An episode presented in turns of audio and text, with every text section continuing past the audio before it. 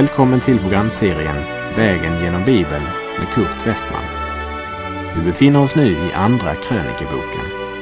Slå gärna upp din bibel och följ med. Programmet är producerat av Norea Radio Sverige. Vi har kommit till kapitel 7 i Andra krönikebok. I de föregående kapitlen har vi sett templet byggas och förbundsarken föras upp till templet och vi har lyssnat till Salomos tal till folket och till hans bön till Gud. Här i kapitel 7 ska vi se Guds svar på Salomos bön och vi läser vers 1. När Salomo hade avslutat sin bön kom eld ned från himmelen och förtärde brännoffret och slaktoffren och Herrens härlighet uppfyllde huset. Det var ju just det här som också hände när Mose hade fullfört tabernaklet i öknen. När tabernaklet var satt upp så läste vi i Andra Mosebok kapitel 40 om att då övertäckte molnskyn uppenbarelsetältet och Herrens härlighet uppfyllde tabernaklet. På samma sätt stadfäster Gud att han ger sitt godkännande till templet som Salomo har byggt. Lägg märke till att elden förtär offren som framburits. Det betyder att Guds dom har fallit över synden och den drabbar offret på altaret. Gud har inte behag i templet därför att det är så vackert, även om det är det.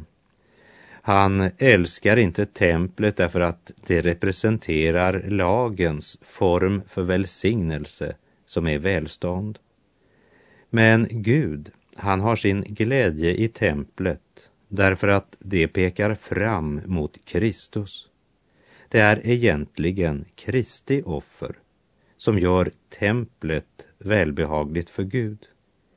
Guds härlighet fyllde templet som vi såg i slutet av kapitel 5. Och nu kommer elden från himlen och förtär brännoffret. Därmed blir Guds närvaro synlig för dem som samlats här.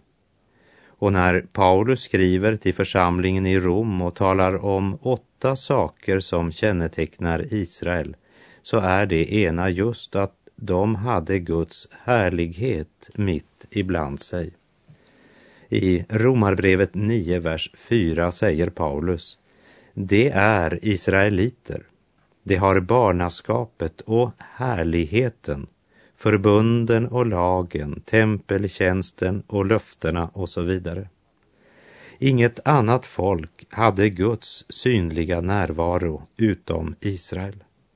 Och vi läser vers 2 och prästerna kunde inte gå in i Herrens hus eftersom Herrens härlighet uppfyllde Herrens hus. Då nu alla Israels barn såg hur elden kom ned och såg Herrens härlighet över huset föll det ned på den stenlagda gården med ansiktena mot jorden och tillbad Herren och tackade honom därför att han är god och därför att hans nåd varar evinnerligen. Lägg märke till att elden som förtär offret är en sak. Guds härlighet som uppfyller templet är något annat. Elden talar om dom och om rening. Härligheten talar om Guds heliga närvaro. Gud är god och hans nåd varar evinnerligen. Ja, det är tonen hos det Guds barn som gjort personliga erfarenheter med Gud. Vers 4 och 5. Och kungen och allt folket offrade slaktoffer inför Herrens ansikte. Kung Salomo offrade som slaktoffer 22 000 tjurar och 120 000 av småboskapen. Så invigdes Guds hus av kungen och allt folket. Många av de som är kritiska till Bibeln har i de här verserna verkligen funnit något att haka upp sig på. Och de har tre saker som de älskar att kritisera. För det första, de säger att detta var en omåttlig överdrift. Och för det andra så säger de att rent fysiskt var det ju omöjligt att offra så många offer på dessa altaren. Och för det tredje säger man att det var inte nödvändigt att slakta ner alla dessa djur. Men låt oss försöka se saken ifrån Bibelns perspektiv. För det måste ses i ljus av Guds eget ord. Och det var ju knappast alla offren som blev offrade på brännofferaltaret och tackofferaltaret, utan vid denna stora nationala högtid var det sannolikt många offeraltaren uppförda. Så det var inte omöjligt rent fysiskt med alla dessa offer i loppet av dessa dagar. Och vad det beträffar kostnaden, det vill säga mängden, så skulle ju de olika stammarna, provinserna och släkterna alla bära fram sitt eget offer. Precis som vid utgången från Egypten när varje hushåll slaktade sitt lamm. Det måste ju rent bokstavligt ha varit tiotusentals lamm som blev slaktade den natten. Och vi ska nämna två saker som säger att det inte var bortkastat slöseri. För det första, det var ett symboliskt offer som pekade på Jesus, Messias. Och Petrus skriver i sitt första brev kapitel 1, vers 18 och 19. Ni vet ju att det är inte med förgängliga ting, med silver eller guld ni blivit friköpta från det meningslösa liv ni ärvt från era fäder, utan med Kristi dyrbara blod, som blodet av ett lamm utan fel och lyte. Så offret är inte meningslöst, tvärtom. Offret förkunnar den kommande Messias, frälsaren, och offret blev ju deras räddning. Och för det andra så var det inte alls bortkastat, för det blev ju senare uppätet. Även om vi här måste lägga till att brännoffren i templet dessa dagar blev förtärda av elden. Det blev verkligen ett offer. Men fredsoffren eller tackoffren blev uppätna av folket. Tempelinvigningen, det var en högtidsfest som firades i glädje. Och den som kallar offrandet vid tempelinvigningen för ett onödigt slöseri, han har sannolikt ingen aning om hur många djur som slaktas varje dag på våra slakterier för att tillfredsställa vårt behov av kött. Men det som dör för att tillfredsställa oss räknar ingen som slöseri. Men är det endast för att tillfredsställa Gud, ja, då ser den fallna människan ganska annorlunda på det. Låt mig bara säga, jag står på Salomos sida i den här saken. Jag tror att han gjorde rätt eftersom offren pekar fram mot det verkliga offret, Jesus Kristus, Guds Lamm och vi läser vers 6. Och prästerna stod där i sina tjänsteförrättningar och leviterna stod med Herrens musikinstrument som kung David låtit göra, för att de med dem skulle tacka Herren, därför att hans nåd varar evinnerligen. David lät nämligen dem utföra lovsången. Men prästerna stod mitt emot dem och blåste i trumpeter medan hela Israel förblev stående. Jag önskar att fler av Guds barn högt kunde prisa sin Gud och tacka honom för hans nåd som varar evinnerligen. O, vad Gud har varit god emot mig. Har han eh, varit god mot dig? Ja, har han det så säg det då. Gud är god. Vers 7 och 8. Och Salomo helgade den mellersta delen av förgården framför Herrens hus. Ty där offrade han brännoffren och fettstyckena av tackoffret eftersom kopparaltaret som Salomo hade låtit göra inte kunde rymma brännoffret, spisoffret och fettstyckena. Vid detta tillfälle firade Salomo högtiden i sju dagar och med honom hela Israel, en mycket stor församling från hela landet, allt ifrån det ställe där vägen går till Hamat ända till Egyptens bäck. Det vill säga från längst i nord till längst syd i landet. Från hela Israel samlades man. Många stod i förgården framför Herrens hus eftersom alla offren inte rymdes på det stora kopparaltaret. Och man firar i sju dagar. Ja, en gudstjänst är inte något man suckar sig igenom. Bibeln säger att det är något man firar. Och det är kanske något som vi borde tänka på i vår tid.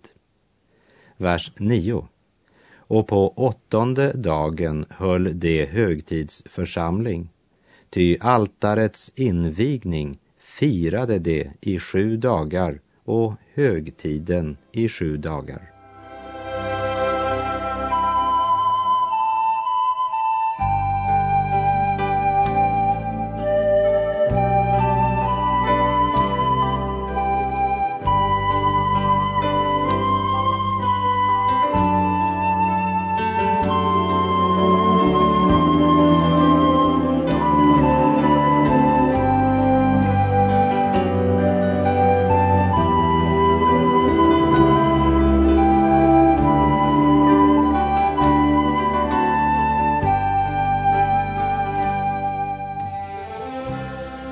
Andra krönikerbok kapitel 7, verserna 12 till och med 14. Och Herren uppenbarade sig för Salomo om natten och sa till honom. Jag har hört din bön och utvalt denna plats åt mig till offerplats. Om jag tillsluter himmelen så att regn inte faller, om jag befaller gräshoppor att fördärva landet eller om jag sänder pest bland mitt folk. Men om mitt folk, det som är uppkallat efter mitt namn, då ödmjukar sig och ber och söker mitt ansikte och omvänder sig från sina onda vägar, så vill jag höra det från himmelen och förlåta deras synd och skaffa bot åt deras land. Elden från himmelen uppenbarades för allt folket och de faller alla ned på sina ansikten mot jorden och tillber. Och därmed är ju faran för att bygga på ensidiga känsloupplevelser undanröjd. För det var ju inte bara jag som såg elden från himlen, du såg den också. Alltså en gemensam erfarenhet. Och jag tror att det är viktigt att nämna att här talar Gud till det han kallar mitt folk, det som är uppkallat efter mitt namn, det vill säga Israel. Och det handlar om Jerusalem.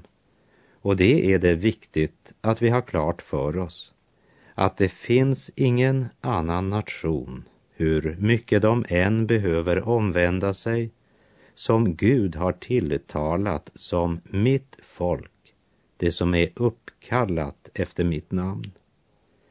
Vi kan säga att Salomos bön och Guds klara ord engagerade deras tanke och vilja, liksom elden från himmelen hade satt känslorna i rörelse. Och när de böjer sig till jorden visar de oss den rätta rätta formen för tillbedjan.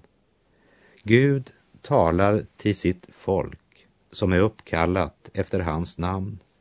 Och låt oss se på något av vad Bibeln säger om den som tillhör Guds folk i det nya förbundet. I Titus brev kapitel 2, vers 11 till 14 läser vi. Ty Guds nåd har uppenbarats till frälsning för alla människor. Den fostrar oss att säga nej till ogudaktighet och världsliga begär och att leva anständigt, rättfärdigt och gudfruktigt i den tid som nu är. Medan vi väntar på det saliga hoppet att vår store Gud och frälsare Jesus Kristus skall träda fram i härlighet. Han har offrat sig själv för oss för att friköpa oss från all laglöshet och rena åt sig ett egendomsfolk som är uppfyllt av iver att göra goda gärningar. Och från Efeserbrevet kapitel 4, vers 1 till och med 3. Jag uppmanar er därför, jag som är en fånge i Herren, att leva värdigt den kallelse ni har fått. Var ödmjuka och milda på allt sätt. Visa tålamod och ha fördrag med varandra i kärlek. Var ivriga att bevara Andens enhet genom fridens band. Och i Galaterbrevets femte kapitel får vi veta att tålamod och självbehärskning, det är Andens frukter. Vi läser Galaterbrevet 5, vers 22 och 23.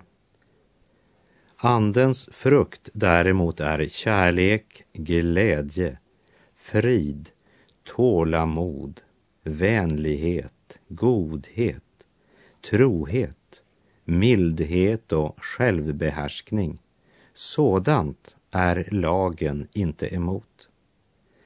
När Gud i Andra krönikerboken 7, vers 14 talar om att förlåta deras synd och skaffa bot åt deras land, så är det det land som Gud har lovat Abraham, Isak och Jakob, alltså Israel. Så om du för din egen del vill utkräva löftet i Andra krönikerbok 7.14 så kan du inte skilja den versen från versen som kommer efter vers 15. Så skall nu mina ögon vara öppna och mina öron ge akt på vad som beds på denna plats. På denna plats refererar till templet i Jerusalem. Och löftet i Andra krönikerbok 7.14 är bunden till det. För det är ett löfte som rent bokstavligt gäller landet. Men när det gäller bön till Gud i det nya förbundet så är det Kristus som är nådastolen där vi kan möta Gud. Du behöver inte resa till Jerusalem för att tillbe honom. Kvinnan vid Sykars brunn, hon hade blivit lärd att det var på berget Garisim man skulle tillbe. Men judarna hävdade att det var i Jerusalem. Och vi läser Johannes 4, vers 20 till och med 23. Våra fäder har tillbett på detta berg och ni säger att den plats där man skall tillbe finns i Jerusalem. Jesus svarade, tro mig, kvinna. Den tid kommer då det varken är på detta berg eller i Jerusalem som ni ska tillbe Fadern. Ni tillber vad ni inte känner. Vi tillber vad vi känner eftersom frälsningen kommer från judarna. Men den tid kommer, ja, den är redan här, då sanna tillbedjare ska tillbe Fadern i ande och sanning. Ty sådana tillbedjare vill Fadern ha. Men dessa Jesu ord tar inte därmed bort Guds löfte till sitt folk, det som är uppkallat efter hans namn. Han vill höra det från himmelen och förlåta deras synd och skaffa bot åt deras land. Det är så lätt att lyfta ut en vers ur sitt sammanhang, men det var aldrig meningen. Andra krönikeboken 7 talar om Guds löfte till Israel i samband med templets invigning. Men det betyder inte att löftet inte också har sin betydelse för oss. Men grip då framför allt om Guds direkta löften till trons folk i Nya testamentet. Kom med förväntan till Gud, för löftena kan inte svika. Löftena kunna ej svika Nej, det står evigt kvar Jesus med blodet beseglar allt vad han lovat har.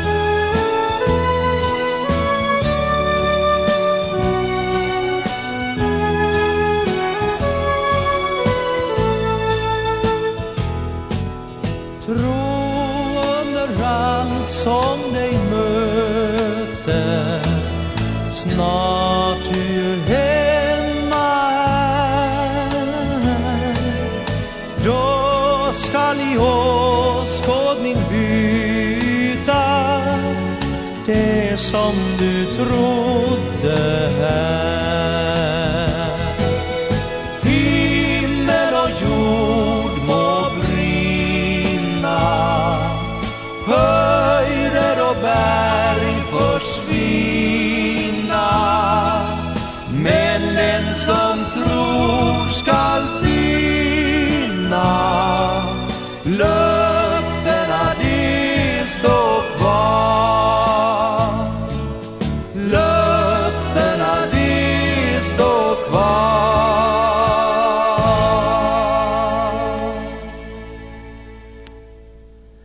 Andra krönikerbok kapitel 7, vers 16 till och med 18. Och nu har jag utvalt och helgat detta hus för att mitt namn ska vara där till evig tid och mina ögon och mitt hjärta ska vara där alltid. Om du nu vandrar inför mig som din fader David vandrade så att du gör allt vad jag har befallt dig och håller mina stadgar och lagar. Då skall jag upprätthålla din kungatron som jag lovade din fader David när jag sade aldrig skall den tid komma då en avkomling av dig inte råder över Israel. Gud har lovat att det ska aldrig komma någon tid när det inte ska sitta en av Davids släkt som råder över Israel. Men det finns ingen härskare på jorden som idag kan hävda att han kommer av Davids ett. Men det sitter en på Guds högra sida som är av Davids släkt. Och till honom har Gud sagt, som det står i Saltaren 110, Sätt dig på min högra sida till dess jag har lagt dina fiender dig till en fotapall. Till dess. Det talar om en begränsad tid. Och personligen tror jag att den tiden är nära då basunen ska ljuda och Kristus komma i ära, i makt och härlighet på himmelens skyar. Gud lovar att lyssna till sitt folk förutsatt att de lever i Guds gemenskap. För vi kan inte hoppa över Guds män. Vers 19 till och med 22. Men om ni vänder om och överger de stadgar och bud som jag har förelagt er och går bort och tjänar andra gudar och tillber dem, då skall jag rycka upp dem som gör så ur mitt land, det som jag har gett dem. Och detta hus som jag har helgat åt mitt namn skall jag förkasta från mitt ansikte. Och jag skall göra det till ett ordspråk och en visa bland alla folk. Och över detta hus, som har varit så upphöjt, ska då var och en som går där förbi bli häpen. Och när någon frågar varför har Herren gjort så mot detta land och detta hus, då skall man svara därför att det övergav Herren, sina fäders Gud, som hade fört dem ut ur Egyptens land och höll sig till andra gudar och tillbad dem och tjänade dem. Därför har han låtit allt detta onda komma över dem. Eller som Paulus uttrycker det i Galaterbrevet 6, vers 7. Bedra inte er själva. Gud bedrar man inte. Det människan sår ska hon också skörda. Och med det så är vår tid ute för den här gången. Och jag avslutar med att säga, kära vän, sök Gud medan han låter sig finnas och åkalla honom medan han är nära. Låt Guds löften bli dig till frälsning, för eljest blir hans löften dig till dom. Vänd om till Gud, så vill han vara med dig och då ska också hans välsignelse vila över dig. Gud är god.